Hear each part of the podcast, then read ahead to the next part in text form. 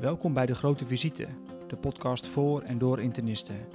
In deze podcast van de Nederlandse Internistenvereniging bespreken we actualiteiten, casuïstiek, richtlijnen en overige internistisch relevante materie.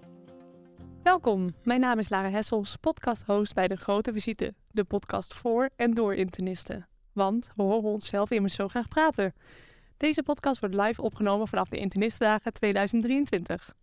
Bij mij aan tafel zit vandaag mijn co-host Maria Stedring. Hoi. Vandaag spreken wij Anaya Middel, internist, infectioloog en allergoloog over antibiotica-allergie en dan in het bijzonder voor de penicillines. Welkom Anaya. Dankjewel. Um, voor we beginnen vandaag met deze podcast, eigenlijk even een vraag om je wat beter te leren kennen. Wat was jij geworden als je geen internist was geworden? Als ik geen internist was geworden, was ik misschien wel directiesecretaresse geworden om lekker alles te kunnen regelen. Oké, dat zit wel in je aard. Uh. ik hou er wel van om dingen te regelen, te structureren. En misschien is dat ook wel de reden dat ik nu heel graag de richtlijn wil implementeren. Ja. Uitrollen. Precies. Nou, komt het toch nog samen. Want inderdaad, recent is er een nieuwe SWAP-richtlijn uitgekomen bij het, um, over de aanpak bij het vermoeden van een antibiotica-allergie. Jij gaat er morgen ook wat over vertellen. Maar vandaag um, gaan we niet specifiek die richtlijn bespreken, maar eigenlijk wel wat je moet doen bij mensen met een vermoeden of een daadwerkelijke, daadwerkelijke antibiotica-allergie. Um, want hoe vaak komt dat nou eigenlijk voor, een penicillineallergie? Ja, het is goed dat je het benoemt inderdaad dat het uh, vaak dat we het over de penicillineallergie hebben. Dat is nou ja, iets waar we eigenlijk het allermeest van weten als we het hebben over antibiotica-allergie. Het, is, uh, het komt heel erg vaak voor en het is echt de meest genoteerde geneesmiddelenallergie ter wereld. Waarbij uh, er een prevalentie is van 5% in de ziekenhuizen. Dus de, de mensen met een dossier in de ziekenhuizen, ook zoals waar ik werk in het UMC in Groningen heeft 5% de genoteerde penicillineallergie. En dat zijn dan alle penicillines, zoals ook uh, feneticilline, amoxicilline. Um, en uh, in de huisartsenpraktijk is dat 2%. Dus echt in de eerste lijn, dus in de, nou ja, in de brede populatie, is dat 2% van de mensen uh, met een genoteerde penicillineallergie. En is dat dan daadwerkelijk ook altijd een echte allergie? Nee, we weten heel goed eigenlijk al heel lang dat meer dan 90% van die mensen met een genoteerde penicillineallergie helemaal niet echt uh, meer allergisch zijn. Mhm. Mm -hmm. En ik zeg niet meer allergisch of ze zijn nooit allergisch geweest. Dat is nog een onderscheid uh, die we daar wel in maken. En uh, voordat ik daarop inga, wil ik nog zeggen, met, met het maken van de richtlijn hebben we die, nee, die getallen nog weer eens opnieuw nagekeken. Van is het, klopt dat met die meer dan 90%? Het is zelfs al meer dan 95% van die mensen die eigenlijk niet een reële of nog een actuele penicillineallergie hebben. Kun je nog eens zeggen, waarom is dat eigenlijk heel belangrijk? Dat we van die 5% mensen nagaan of ze dan bij ja, echt een allergie hebben of dat we dat, we dat onterecht hebben geregistreerd? Ja, dat is inderdaad, uh, uh, dat is eigenlijk nee, het probleem en waar ik ook een draagvlak voor, voor, wil creëren om te zorgen dat mensen hier iets mee gaan doen, onze collega-internisten en de mensen die daartoe in opleiding zijn. Het probleem is eigenlijk op het moment dat jij een genoteerde penicilline of antibiotica-allergie hebt in het algemeen, eigenlijk tweeledig. Uh, op patiëntniveau geeft dat gewoon, uh, dat is bij de penicillines dan heel uh, uitgebreid uitgezocht, uh, maakt het dat mensen echt suboptimale antimicrobiële regimes krijgen op het moment dat ze worden behandeld voor infecties. dus je krijgt dat, dat, dat er um, ook in de profylaxe, maar ook in de therapie andere keuzes worden gemaakt die vaak toch suboptimaal zijn. Dat heeft dan bijvoorbeeld falen van behandeling of meer postoperatieve uh, complicaties tot gevolg. Um, en ja, dat heeft dan ook weer een langere opnameduur. En dat is, uh, dat is natuurlijk ook vervelend voor mensen. En ook um, meer toxiciteit, dus meer bijwerkingen. Dat is ook heel naar voor mensen natuurlijk. Um, ja, dus dat is met name aan de kant van de, van de patiënt. Als je dan kijkt op maatschappelijk niveau, en dat is ook waarom dit die richtlijn vanuit de Stichting Werkgroep Antibiotica Beleid, de SWAP, het SWAP-boekje zoals we de meesten wel zullen kennen, uh, is ingeschoten dat um, op het moment dat je dus kiest voor alternatieve antibiotische regimes, omdat je die penicilline niet durft of kunt geven, uh, dat er voor andere breed spectrum antibiotica wordt gekozen en dat induceert antibiotica-resistentie. Dat is eigenlijk de grote drijfveer geweest om deze richtlijn te schrijven ook dat, de, de, de, de antimicrobiële resistentie, maar ook die langere opnameduur waar ik het net over had. Die middelen moeten toch vaker IV. Brengt ook allemaal veel hogere kosten met zich mee. En ja, dat is in deze tijd natuurlijk ook hot topic. Dat je daar, uh, dat je daar iets mee doet om dat te beteugelen. Ja, dat is echt super belangrijk. Ja, meer dan genoeg reden. Hoor aan de slag gaan? Ja. Ehm, ja, hè, want veel mensen inderdaad in de praktijk, als je dan een patiënt spreekt, zegt iemand nou, hè, ja, ik ben allergisch voor eh penicillines, want ik had eh, echt zoveel diarree toen ik dat gebruikte. Ehm, hoe maak je nou een, een goed onderscheid tussen een bijwerking en allergie, bijvoorbeeld in je anamnese? Ja, wat inderdaad heel belangrijk is eh, om hier überhaupt iets ja, aan te kunnen specificeren, eh, is die anamnese natuurlijk. Nou ja, overal in ons vak onwijs belangrijk, maar ook hierbij is dat eigenlijk wat je hebt. Althans, wat wij kunnen doen als algemeen internisten. Want als je echt een allergologische workup wil doen met huidtesten en provocaties, dat is gewoon hele specialistische en arbeidsintensieve eh, eh, eh, gang van zaken. Ehm, anamnestisch daaraan kunt doen, ja, is gewoon echt het, het uitvragen van een aantal dingen. Was het wel een allergie of waren het meer bijwerkingen? Daar begint het eigenlijk mee, hè, dat je dat echt specificeert. En dat weten de meeste mensen eigenlijk wel. Hè. Als het echt gewoon alleen maar diarree was of hoofdpijn, eh, ja, dan, dan is, dat, is dat geen aller- allergie. Dat is ook echt wel een moment dat je dat ook uit het, het label ook echt nog verwijdert uit het dossier. Dat hebben we in de literatuur ook gevonden. Ja, dat, dat, is, dat zijn, hè, of een familieanamnese, dat zijn ook nog wel eens, eh, of angst voor een allergie. Dat zijn echt dingen waarom ja, zo'n label in het dossier verschijnt bij mensen. Ja. Vaak al bij de huisarts, wat dan via het zo'n landelijk schakelpunt in onze EPD's terechtkomt. En voordat je het weet heb je allemaal vulling van je EPD met allemaal nonsens. Eh, dus ja, zorg ook dat je dat eruit haalt. Nou, dan eh, denk je van oké, dus het gaat wat verder dan misschien een bijwerking. Dan kom je bij de allergie. Welk type hebben we het dan over? Is het een vroege reactie of een late reactie? En in de richtlijn, als je dat kunt specificeren, helpen we je dan ook verder welke stappen je erin kunt nemen. Het, eh, een vroege reactie, dat gaat echt over de urticaria, het angioedeem, in het ergste geval de anafylaxie. En de late reactie gaat echt met name over het maculopapuleus exantheem en in het ergste geval de toxische epidem, epidermale necrolyse of de SJS. eh eh, Steven Johnson syndroom. Dat zijn de hele ernstige beelden. En wat je merkt is dat we met z'n allen best wel bang zijn voor juist die ernstige beelden, om dat te veroorzaken bij de patiënt. Terwijl het gros van de gevallen die milde reacties zijn. Of het is überhaupt nooit wat geweest, hè, dus een bijwerking. Of het is echt iets heel milds geweest met een beetje een rash. Want dat ga je vinden in je anamnese. Dat Ja. mensen niet heel erg, die gaan niet zeggen, ja, ik had urticaria, dokter. Die gaan zeggen, ja, ik had een Ja, uit rode bultjes, Ja. rode bultjes. Jeuk. Ja, ja. Precies. Dus die, dat, is, dat is soms wel heel lastig om te onderscheiden, anamnestisch. En dus je wilt iets weten over de type reactie. Maar als iemand zegt, ja, ik had alleen maar huiduitslag... zonder dat hij andere systemische verschijnselen had... en er zat niet slijmvlieslesies bij... of geen ziekenhuisopname... of eh er hoeft er niet eens voor behandeld te worden... dan kun je wel, want dan kom ik al een beetje op wat is het mild of ernstig. Ja. Die, dat is de volgende stap om dan eh, eh, te differentiëren eigenlijk hoe je er verder mee zou moeten. En dus nadat als je de, het type reactie wat hebt geprobeerd te specificeren, dus is het een vroege allergische reactie of is het een late allergische reactie, waarbij je de vroege allergische reactie, ja, dat bestaat, dat ontstaat eigenlijk binnen een uur tot maximaal zes uur na de, het toedienen of het innemen van het antibioticum.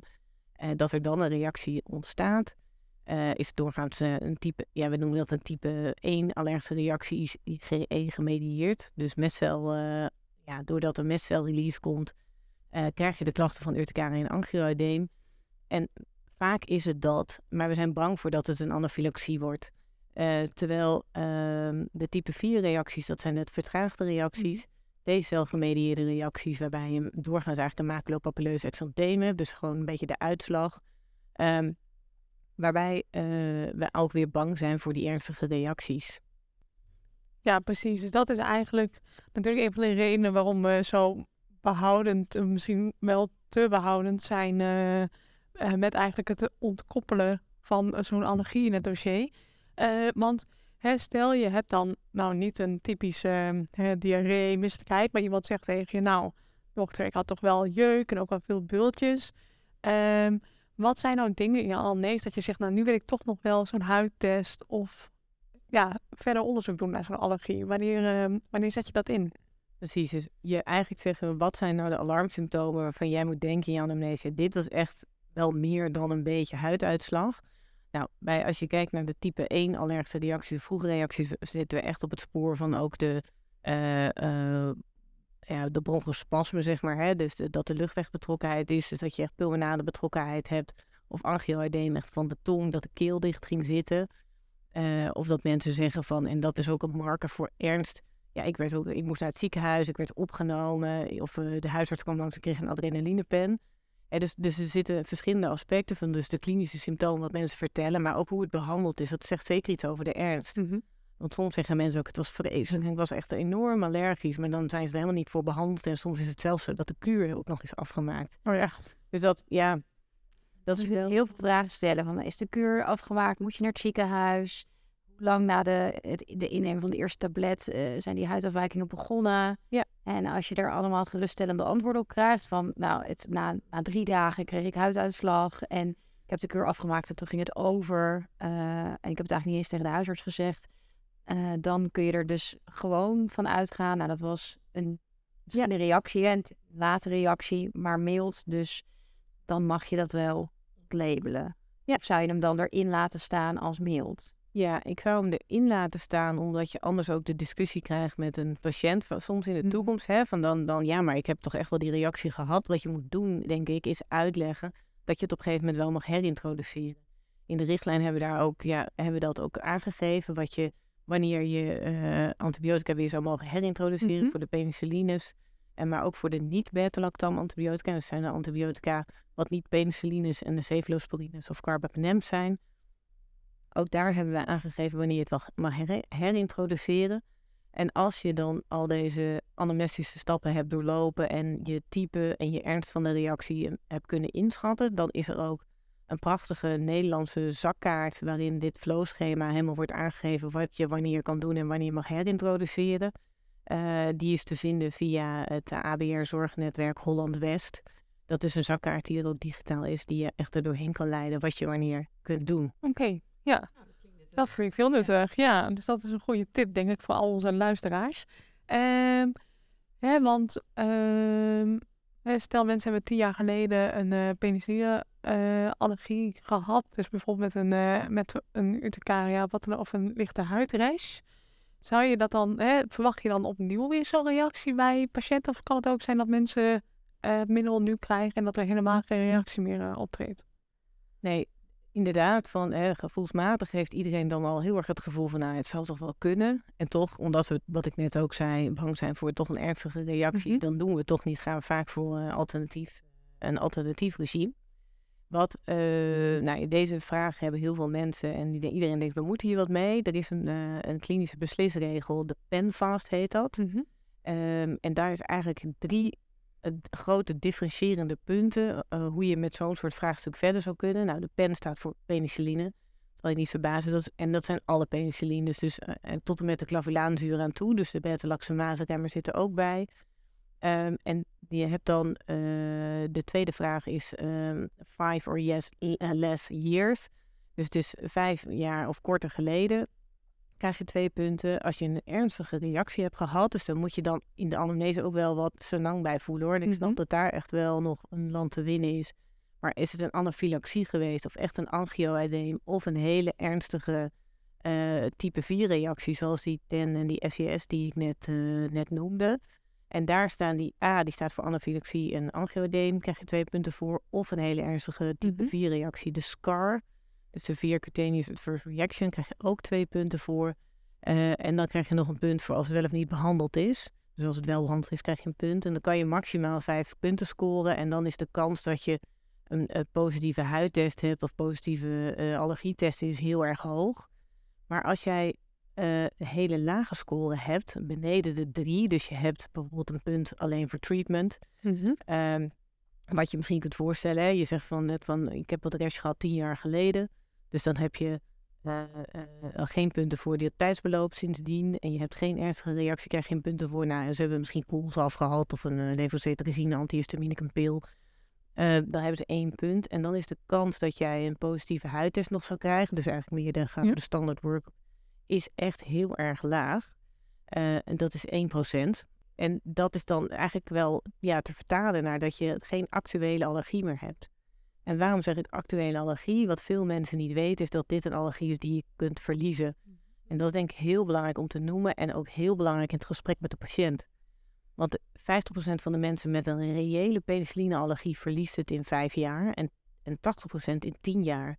Dus daar komt ook die vijf jaar in die Ja. fast beslisregel vandaan. Dus dat is echt, eh, ja, dat, dat, je dit, dat je deze allergie kunt verliezen, we weten eigenlijk niet zo goed dat kan en waar dat door komt. Maar dat is wel, eh, ja, dat is echt een gesprek met de patiënt. Dan kun je ook uitleggen dat het ook zinnig is om iets te evalueren en ook uitleggen dat je het dus best wel weer kunt herintroduceren. Ja. Ja, dus je kunt het onterecht ooit gelabeld hebben als een bijwerking. Je kunt dus een milde allergie hebben gehad die wel reëel was, maar waar we het best wel nog een keer durven geven. En je kunt ook een milde of misschien zelfs wel iets ernstige allergie hebben gehad waar je dan overheen gegroeid bent, zou ik maar zeggen, in de tijd. Ja, zo zou ik het uitleggen. Ja, Ja. dat zijn dus allemaal redenen om gewoon weer opnieuw het middel eh, te proberen als je daar een goede indicatie voor hebt. Ja. Hè, en hoe vlieg je dat dan aan als mensen? eh, want ik denk dat naast de penicillineallergie, eh of als dat bestaat, dat mensen ook altijd bang zijn voor kruisreacties met andere middelen. Hoe zou je dat dan aanvliegen? Ja, daar is gelukkig ondertussen ook heel veel nieuwe literatuur over. We, we, er is heel lang, eh, nou, vanuit historie is altijd gezegd, tussen penicilline en de eerste, tweede generatie cephalosporine zit 20% kruisovergevoeligheid.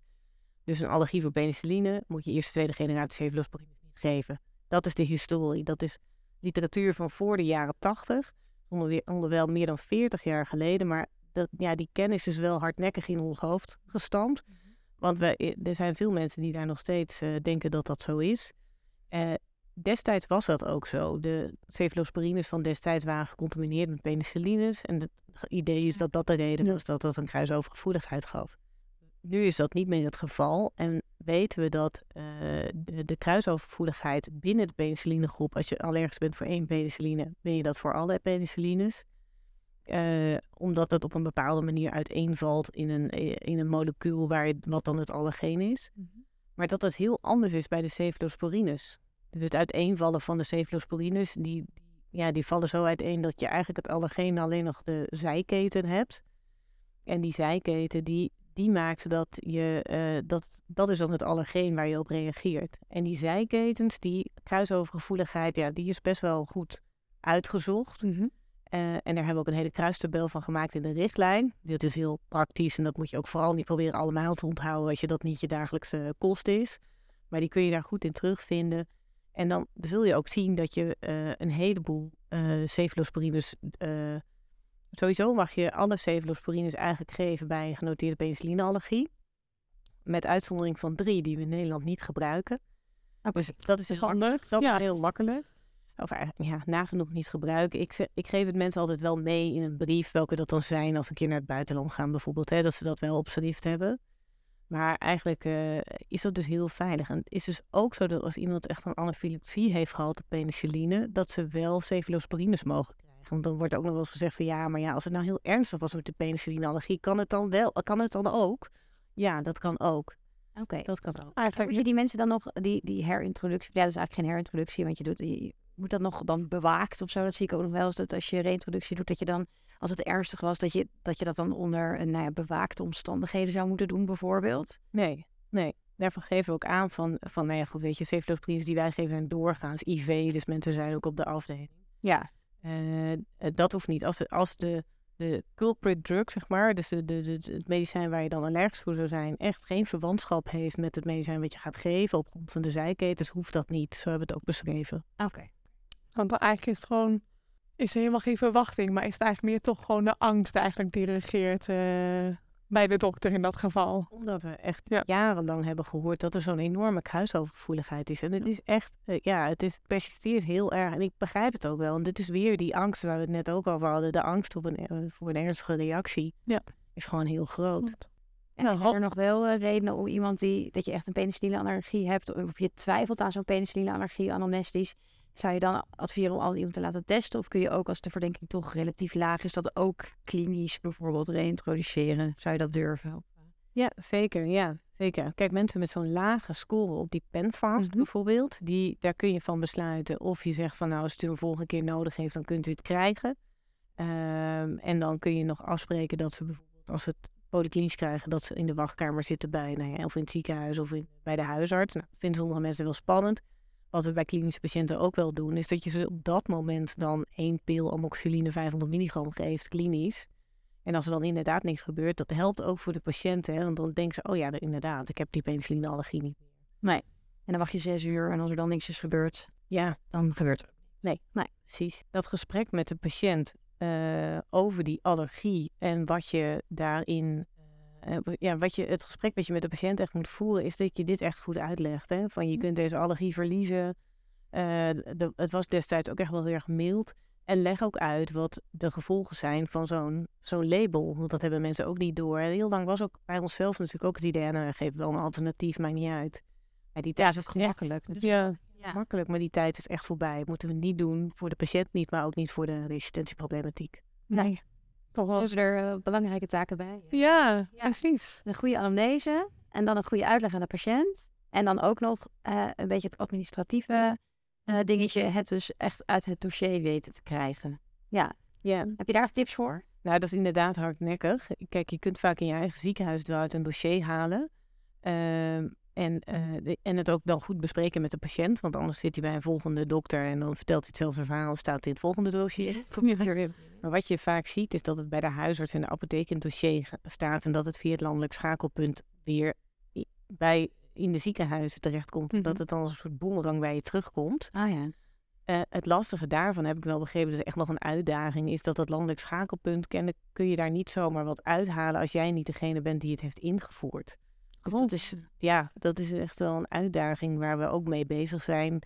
En ik, ja, dus, nou ja, dat is een uitdaging. En het is denk ik ook wel heel goed als we eh, patiënten eh, in de eerste lijn hierover informeren via thuisarts.nl, NHG-standaard, apotheek.nl. Daar is dus helemaal niks over dit onderwerp. Oh, Ja, Nou, dus dat daar is een zit... mooie uitdaging. Ja. ja. dat zou helemaal fantastisch zijn. Want anders inderdaad eh, heb je toch je werk voor niks gedaan. eh, als ehm, ja, de huisarts dat gevoel houdt. Of ehm, nou ja, het landelijk schakelpunt inderdaad eh, zijn Ja. boemerang werpt. Goede patiëntenfolder met een filmpje of een dingetje. Dat zou Precies. Ja, je merkt dat huisartsen ook echt, eh, die zijn echt wel aan boord. Die willen ook heel graag hier iets mee doen, want die vinden het, dit ook ja, heel storend. Voor iedereen Ja. een doorn in het oog, Ja. die vage labels. En denk je, wat moet ik hier nou weer mee? En dan moet het allemaal snel, snel. En als je op een rustig moment dit eruit kunt halen. Ja. Nou, mooie afsluiter denk ik zo, uh, Alanja. Dankjewel. Ehm genoeg huiswerk voor ons. Ja, Veel geleerd. Nou, huiswerk voor iedereen, denk ik. Ja, precies. Ehm, en we gaan ermee aan de slag. Dankjewel voor het luisteren naar deze aflevering van De Grote Visite, een podcast van de Nederlandse Internistenvereniging. Wil je weten wie deze podcast maken? Kijk dan op www.degrotevisite.nl om kennis te maken met onze podcastredactie. De technische productie van deze podcast is in handen van Met Online. Abonneer je op De Grote Visite via je favoriete podcastkanaal zodat je geen aflevering mist. En deel deze podcast vooral ook met je collega's. Vond je het leuk om te luisteren? Geef ons dan een 5-sterren review dat we ook beter te vinden zijn voor andere luister- luisteraars. Tot de volgende keer.